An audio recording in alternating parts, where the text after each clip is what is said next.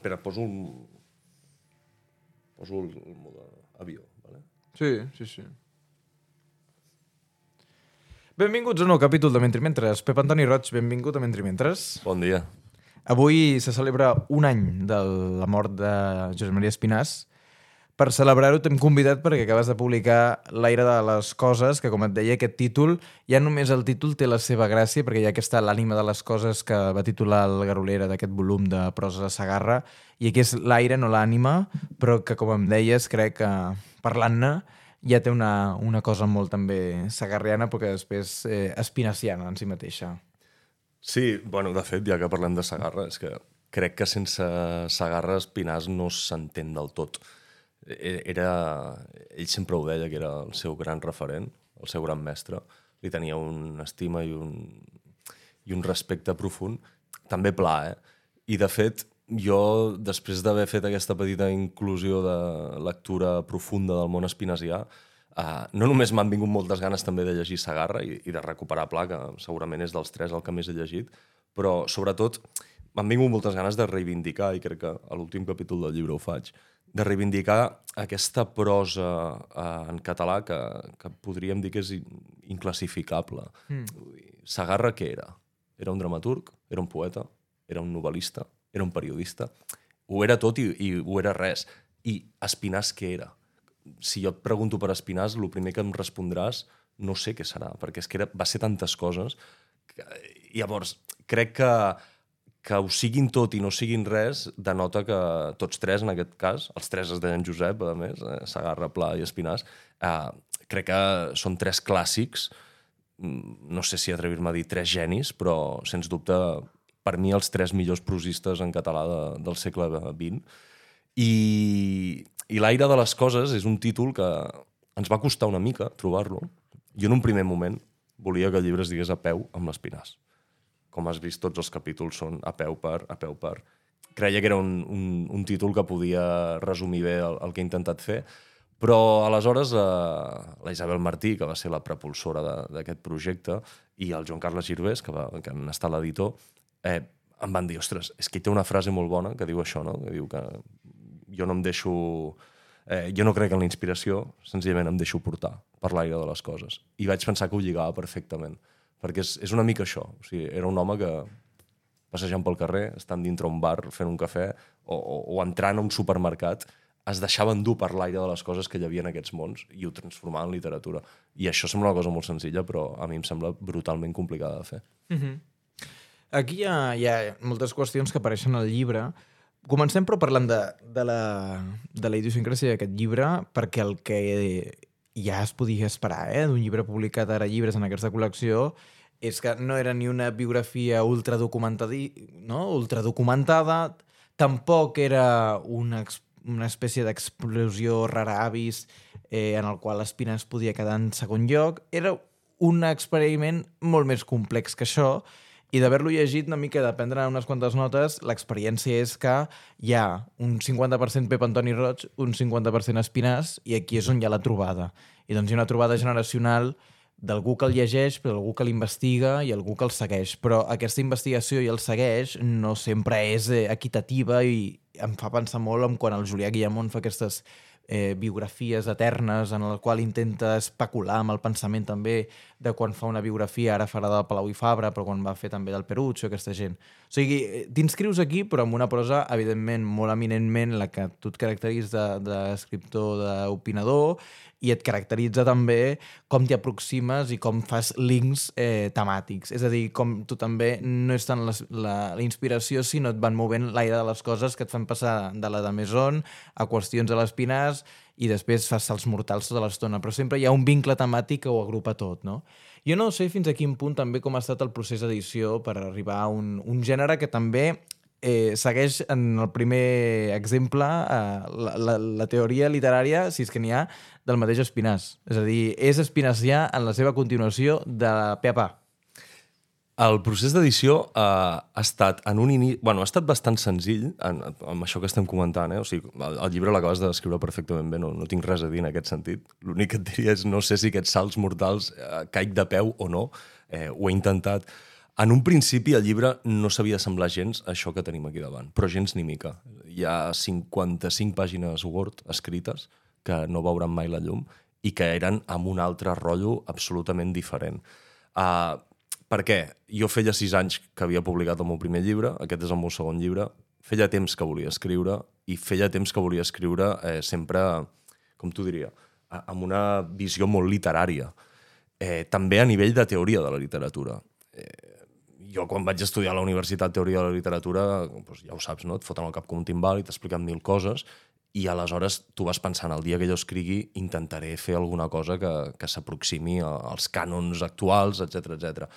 Aquest llibre no s'aproxima als cànons actuals, crec. Sí, poder, perquè hi ha aquest híbrid d'autoficció, de literatura del jo, etc etc. però això en un inici jo volia que fos una novel·la, pura i dura, amb capítols molt curts, d'una pàgina, i en els quals eh, l'Espinàs estigués viu. És a dir, la tesi del llibre és que jo, llegint l'Espinàs, eh, l'he ressuscitat en mi. Això queda clar en aquest llibre. Però jo el volia convertir en un personatge del llibre. Uh, inserir frases seves, opinions seves, en coses que a mi m'anaven passant. Cada capítol era una pàgina i amb això teníem un llibre de 150 capítols d'una pàgina. Per què capítols d'una pàgina? Perquè crec que el món al qual vivim és un món eh, on les coses són molt breus i molt fragmentades. Eh, és a dir, és un món d'escroll.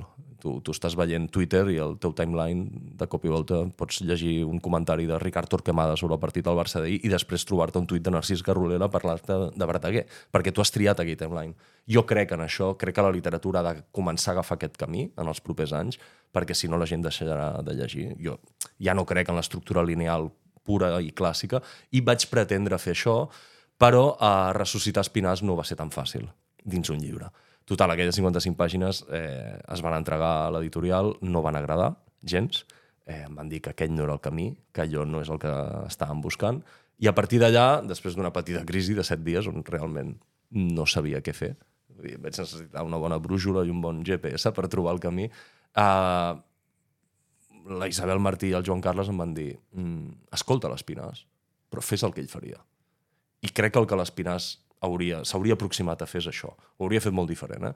però crec que l'Espinàs hauria intentat uh, que fos que l'autor del llibre fos ell mateix, que es despullés de qualsevol artifici i, i que senzillament establís un camí, que és el camí que a mi em porta durant sis mesos a començar a llegir de zero Josep Maria Espinàs i després de deu novel·les arribar a una sèrie de reflexions. I el llibre traça aquest camí, és aquesta exploració durant mig any i crec que ha quedat molt diferent de com jo en un principi el vaig somiar. No sé quin gènere és, tu has dit, no és una biografia, no. No he volgut entrar en els seus detalls íntims de la seva vida privada, crec que no anava d'això el llibre, no és un assaig, ni molt menys, no he volgut fer teories sobre la seva escriptura, tot i que en algun punt potser eh, intento traçar alguna cosa. Senzillament he volgut documentar la meva experiència com a escriptor, com a lector i com a filòleg, de uh, descobrir un escriptor uh mhm. -huh. que durant molts anys he tingut aquí al costat i, i mai havia fet massa cas. Sí, en línia amb el que ara comentaves, hi ha també una qüestió que entronca estil i d'alguna manera convicció, que és això pel qual Gabriel Ferreterat estava a Sagarra i no li agradava gens, i ho diu en, la, en les lliçons de literatura contemporània. I a mi em dóna la sensació que és la, la vinculació que hi ha estrictament entre ciutat, explicar la ciutat, narrar la ciutat i aquesta idea de de que Sagarra només cagava versos o vomitava versos, no? Però en el cas de les Pines això també es formula, es formula ja amb uns quants anys al darrere i es formula d'una manera que em trobo que és força interessant i força maca, que és aquesta idea de teatre mundi, que és Barcelona, no? I doncs tu, en un dels primers capítols, hi expliques, no?, que comences a prendre consciència que la ciutat que estàs veient, al ver-la vist a través de la mirada de, en aquest cas de les Pines, que veu molt també la mirada de Sagarra, i fas dir també una frase que és extraordinària, que diu quan cau el taló de la fosca i s'encenen els llums de la ciutat, ens trobem en un nou escenari. En el fons, Barcelona acaba sent també, quan acabes aquest llibre, un nou escenari, perquè Espinàs te l'ha fet llegir d'una altra manera. Sí, a mi una de les coses que més m'han impactat de, de la seva lectura és, és l'emmirallament, diria que inevitable, entre una Barcelona que ja no existeix uh mhm. -huh i, i més avui on estem. Vull dir, estic veient des d'aquí la finestra a la catedral, eh, aquesta plaça l'any 70 era radicalment diferent. Pot ser que l'any 70 a la plaça Osca de Sants no fos tan diferent com és ara. tot i que també. O pot ser que algun carrer de Trinitat Vella encara es mantingui igual. Però en general, crec que en els últims 30 anys eh, Barcelona, aquest escenari, ha patit un canvi radical que també entronca amb el petit canvi que jo mateix he viscut. Jo, jo vaig néixer l'any 88, els meus records d'infantesa són amb una Barcelona lleugerament diferent a la d'ara. No era la Barcelona de l'Espinàs, no era la Barcelona dels 50-60, Uh, crec que quan Espinàs millor uh, parla de la ciutat és sobretot als anys 60, 70, les seves novel·les dels anys 50, però aquella Barcelona quan jo era petit i la Barcelona d'ara és una Barcelona que ha canviat molt i que això crec que inevitablement a la gent de la meva quinta ens genera una mena de nostàlgia estranya, fins i tot conservadora, i no me n'amago, d'una ciutat que mm, l'any 2000 no era com és ara. I ara ens trobem en una ciutat que abans ho parlàvem, molts cops tenim por que ens expulsi d'ella mateixa. Per què? Perquè és una ciutat que ja no és mm, propietat dels barcelonins, en molt cas. O, en tot cas, és propietat d'uns barcelonins que l'han venut a gent que potser no sap res d'aquesta ciutat i que segurament mai de la vida llegirà Josep Maria Espinàs i entendrà coses que són bàsiques. Uh, jo no, no sé si el Sagarra cagava versos quan passejava per Barcelona. Jo el que sí tinc clar és que l'Espinàs, si era un escriptor barceloní, ho era sobretot dels barcelonins. És a dir, no el considero un escriptor paisatgístic de, de la ciutat, ni, ni, de, ni de monuments, etc. Ja m'entens, eh? Mm -hmm. Hi ha escriptors que són molt, molt pictòrics en aquest sentit i que t'expliquen la ciutat des d'una òptica que, que tu tanques els ulls i la veus. Jo crec que quan llegeixes l'Espinàs el que veus no és tant la ciutat, sinó la gent que l'habita. Perquè era un escriptor que sabia plasmar molt bé eh, el veïnatge, diguéssim, el tipus de persones que hi havia als bars, que hi havia a les botigues, que hi havia pel carrer. I això és una cosa que també m'ha generat un altre mirat, que és un, un tipus de gent que vivia amb un ritme de vida, que tenia uns costums i que tenia bueno, unes relacions entre elles que en la Barcelona actual són molt difícils de tenir. Mm -hmm. Jo no sé si tu coneixes els teus veïns d'aquest bloc de pisos però l'any 50, si no tenies sal, sorties i al cap de dos segons tres veïns segur que t'havien ofert sal. Ara, potser per demanar-la, has d'aprendre un altre idioma. M'explico? Llavors, tot això crec que és una cosa que la gent de la meva edat, i, i no sóc l'únic que escriu sobre això, ens està covant per dins. Mm -hmm. Són bastants llibres ja, bastants podcasts, bastants programes de tele o de Twitch o el que sigui, que, que comença a haver-hi aquesta, aquest petit bot salvavides de ei, hola, estem aquí i no volem que es mori uh, la ciutat en la qual vam néixer. Uh, em tronco aquesta pregunta amb, una, amb dues qüestions que apareixen al llibre. Una és la reflexió sobre el seixantisme i el llibre aquest que van publicar l'Avens mm. i aquesta idea no?, que hi ha del, del Muñoz del seixantisme. Eh, a tu et dona la sensació, però, que Espinàs eh, defuig de parlar del poder i sobretot parlant, pensant en el seixantisme i en aquest fenomen de reconstrucció social que hi ha, ell dona l'esquena a parlar d'una certa reconstrucció de, dels protagonistes del poder? Sí, no sé si donar l'esquena és, és el concepte, però sí que he tingut la sensació que és com si no en volgués parlar, com, com si no es volgués posar medalles ell, ell, si t'hi fixes, la seva trajectòria cultural, diguéssim, la seva obra cultural, més enllà de l'obra literària, és sempre d'obrir camí, d'arrencar. I un cop allò ha arrencat, se'n desmarca, allò ja va sol i, i, i ja està, ja he fet la feina. Em refereixo, per exemple, a, en l'àmbit de la narrativa, quan l'Espinàs comença a escriure novel·les als anys 50, no hi ha un circuit eh, literari en català. Mm -hmm. hem, hem, hem passat 10-15 anys de postguerra, el franquisme ha pretès construir la literatura catalana en castellà, no? no? La Forets, Gironelles i, i tot això. Uh, I als anys 50 una sèrie de persones comencen a intentar impulsar uh, premis, eh, publicacions, etc etc. L'Espinàs aquí és clau perquè és el primer gran autor d'èxit popular dels anys 50. És important el concepte popular. Estem parlant d'una gent... Eh, clar, els que eren joves no, no s'havien educat en català. Dir, els, els nascuts a partir del 39, l'any 55, tenen 15-16 anys i les primeres novel·les que els hi cauen a les mans en català, per ells, si les saben llegir, és perquè els seus pares els hi han ensenyat a casa, però mm -hmm. si no, no. Uh, I els que no eren tan joves, els que havien viscut la guerra, es troben amb unes novel·les que no són, com tu diria, crec que no són complexes ni complicades eh, en un nivell de recepció bàsica, uh, per, per, per gent menestral. O sigui, l'Espinàs escrivia novel·les que llegien el, els mecànics, que llegien els cambrers, que llegien uh, les senyores de fer feina, però les senyores de fer feina catalanes que encara treballaven a les cases dels burgesos. Vull dir, la típica senyora de Trem, aquella senyora de temps de silenci, l'Armínia, és l'exemple, no? Eh, clar, escriure llibres en català als anys 50 per aquesta gent és molt important, perquè genera una indústria. Després dels 60s, aquesta indústria es va mm, començant a solidificar, apareixen les primeres editorials eh, serioses, etc etc. Eh, crec que ell fa una grandíssima feina aquí i després d'escriure una desena de novel·les se'n cansa. I a partir d'aquí ja ha començat a existir una, un circuit, ja ha començat a existir una sèrie de gent, també de la seva, de la seva trajectòria i generació, més o menys, que comencen a, a, a despuntar i ell no torna mai més a la novel·la. Quan se'n cansa d'això, funda els 16 jutges. Tornem a estar amb el mateix durant 20 anys no hi va haver música en català a Catalunya i sobretot música en català moderna. Eh, la música en català era folclòrica, era baixant de la font del gat. Allò es considerava música en català.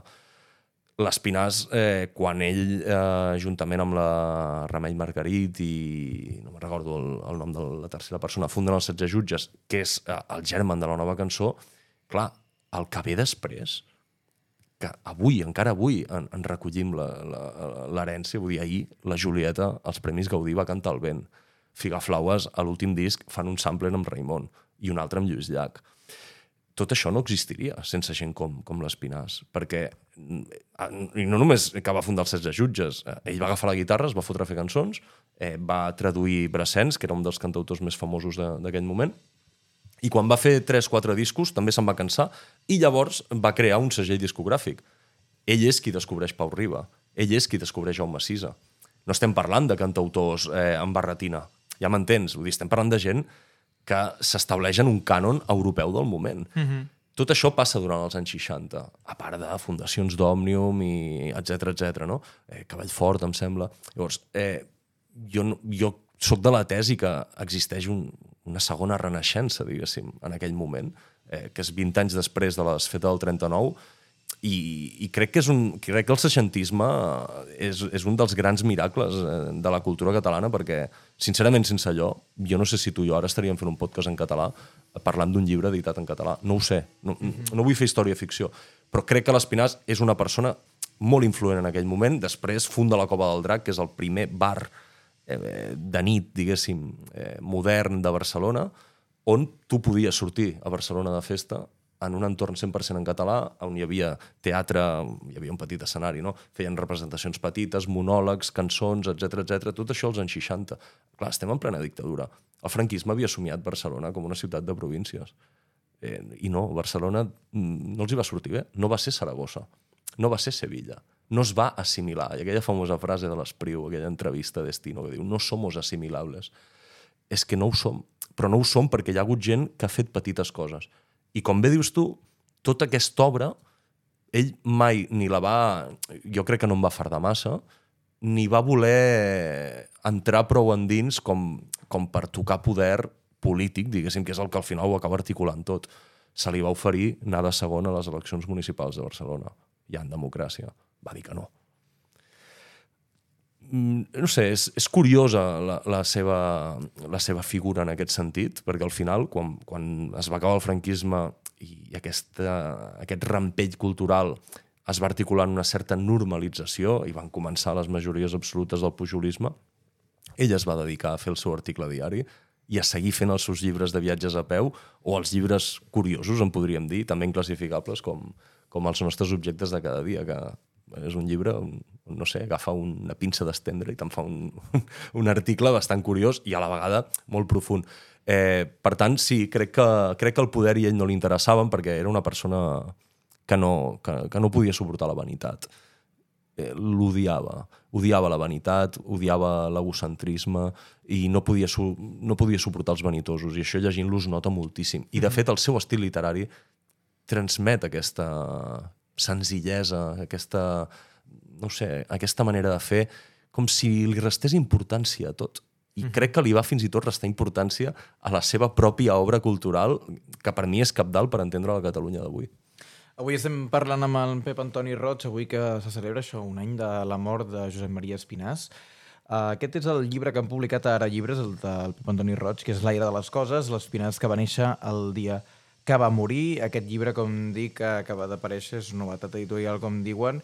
Hi ha altres qüestions eh, que podríem comentar, així a tall d'exemple. De, crec que també podríem comentar la relació amb Joan Sales i el fet de faci vostè aparèixer la Guerra Civil i l'altre no fent-ho aparèixer i això va fer que no pogués incorporar-se en el club dels novel·listes. Això pensat a dia d'avui és terrorífic.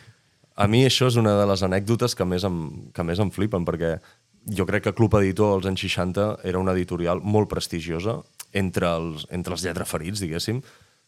Potser avui, eh, a nivell de prestigi, equivaldria a, a, als llibres que fan Agram en català, no? O sigui, tu guanyes el Premi Agram en català i ja automàticament la gent del, del mundillo, diguéssim, entén que allò serà un gran llibre perquè Anagrama té un, té un prestigi literari.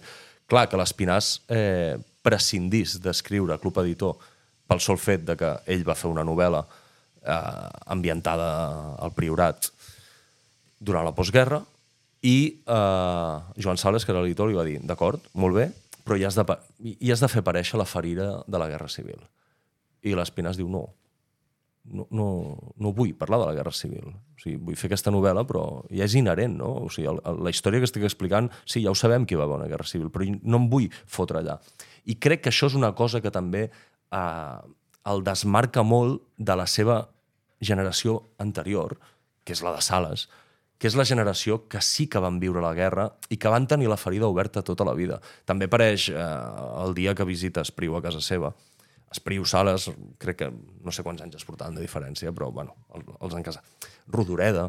Um, és, és gent que, clar, la guerra per ells la, la van enganxar quan eren, no sé, tenien 20, 25 anys, Espriu sempre ho diu, que la guerra li, li marca la vida. Ell tenia una vida abans de la guerra i després en va haver de fer una altra. Quan escriu Primera història d'Ester, eh, és un llibre en el qual intenta recollir totes aquelles paraules curioses del català i fins i tot les paraules que parlaven els gitanos catalans, perquè ell realment té la sensació que el català morirà i, i vol testimoniar-ho en un llibre com, com si aquell llibre fos l'últim testimoni de la llengua. Gràcies a Déu el català no mor. Quan l'Espinàs va veure Espriu a casa seva l'any 53, ell ho diu, diu, em vaig trobar un senyor molt preocupat per la llengua. Clar, com salvem la llengua l'any 53? Doncs la salvem normalitzant-la i escrivint-la de manera normal i tractant-la de manera normal, com si aquella ferida ja hagués sanat. Jo tinc la sensació que l'Espinàs, a l'enganxar-li la guerra tan petit, la seva adolescència i edat adulta ja va ser en plena postguerra, però la seva vida no havia, com t'ho diria, la seva vida adulta no havia començat abans del 36. Per tant, la seva carrera no, no li va trencar res. I crec que sempre va voler de fugir d'aquest trauma lacrimogen de la guerra i per això quan Sales li diu uh, has de parlar de la Guerra Civil a la novel·la, l'Espinàs diu no, és que la novel·la no va de la Guerra Civil. Evidentment, Sales es nota llegint Incerta Glòria. Vull dir, aquell senyor tenia al cap la Guerra Civil i, i per mi Incerta Glòria és una obra mestra. Eh? i la recomanaria a tothom i crec que tots els catalans l'haurien de tenir a casa. Però l'Espinàs ja, ja havia passat pantalla d'allò.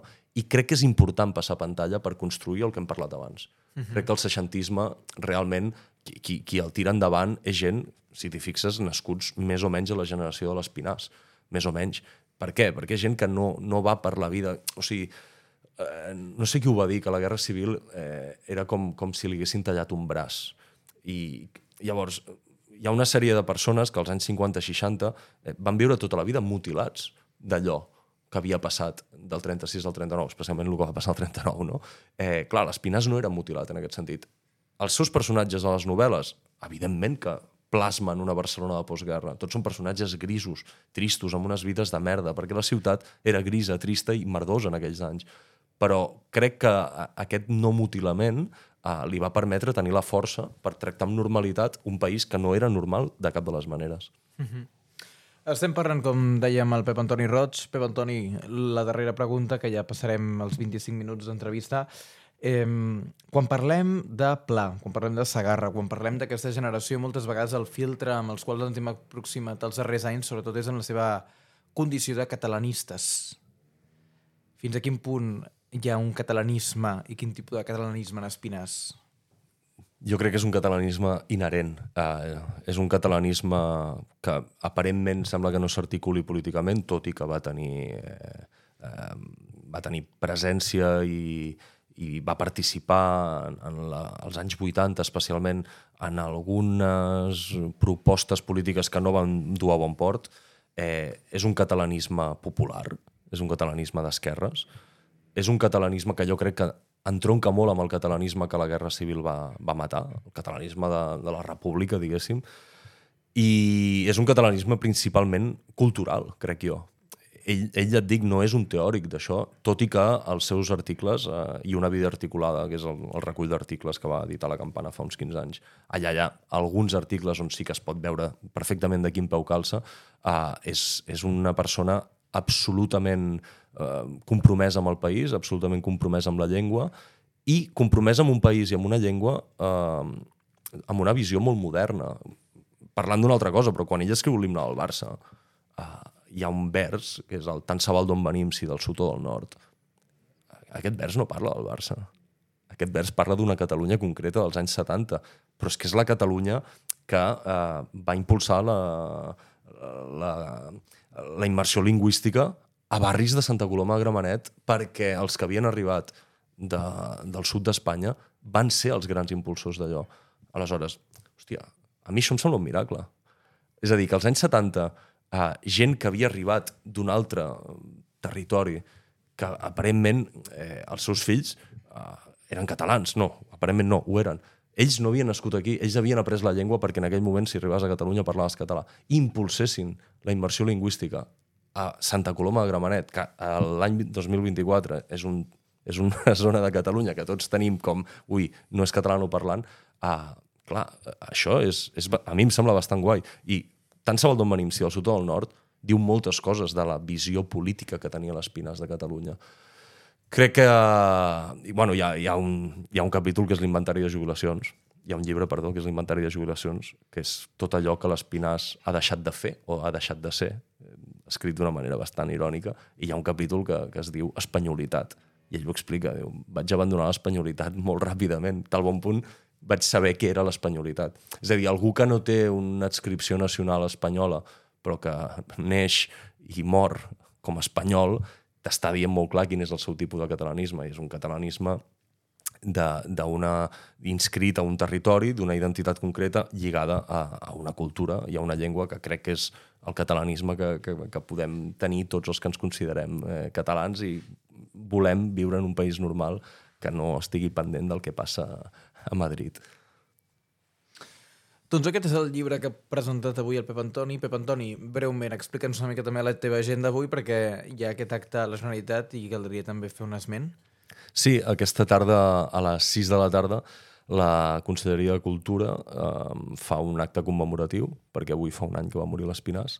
Aquest llibre ha tingut participació de les publicacions de la Generalitat. Aleshores, aquesta tarda, la Júlia Ojeda i jo, eh, amb el Joan Carles Girbés com a moderador, farem una petita xerrada a la Generalitat, que és una cosa que fa una mica de, de respecte i de por, i sincerament, si em dius fa un any que avui estaria parlant a la Generalitat de l'Espinàs, t'hagués preguntat què t'has fotut.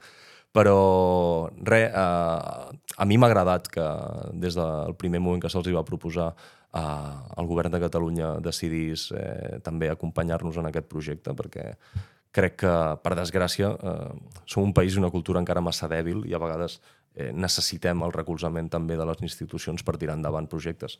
Possiblement ahir, dels Gaudí, tots els mm, guanyadors d'alguna pel·lícula tenien finançament públic al darrere. Si passa amb el cinema, si passa amb la música, si passa amb els festivals, crec que també hauria de passar amb la literatura, de certa manera. Passa també amb la premsa en digital. És un dels problemes de no ser un país normal, no? que a vegades necessites que el teu propi govern eh, et dongui una empanteta perquè les coses tirin endavant, però no me n'amago, ho, ho he explicat a tothom, o sigui, que em digui qui vulgui el que vulgui, no, no és qüestió de cap eh, simpatia política ni de cap adscripció partidista de res. Uh, crec que és important tenir institucions pròpies que fomentin uh, la memòria i la vigència de persones importants en la, en la nostra història. Uh, jo sabia que la Generalitat volia fer un llibre sobre Josep Maria Espinàs, en una col·lecció que tenen a les publicacions de la Generalitat de grans eh, catalans i catalanes de tots els temps. Uh, en aquest cas ha sigut al revés, l'ha editat ara llibre en col·laboració amb la, amb la Generalitat, i el, lo important és que qui el llegeixi, no sé si serà molta gent o poca gent, pugui reflexionar i adonar-se que potser sí que aquest senyor, que a tots ens queia tan simpàtic i el veiem sempre passejant amb la pipa, eh, no només era un senyor simpàtic que passejava amb pipa, sinó que té darrere seu una obra de vida bastant important pel país en el qual vivim. Doncs ja sabeu, podeu consultar aquest capítol i la resta a les plataformes i podeu consultar la web mentrementes.cat. Pep Antoni, moltes gràcies. Gràcies a tu.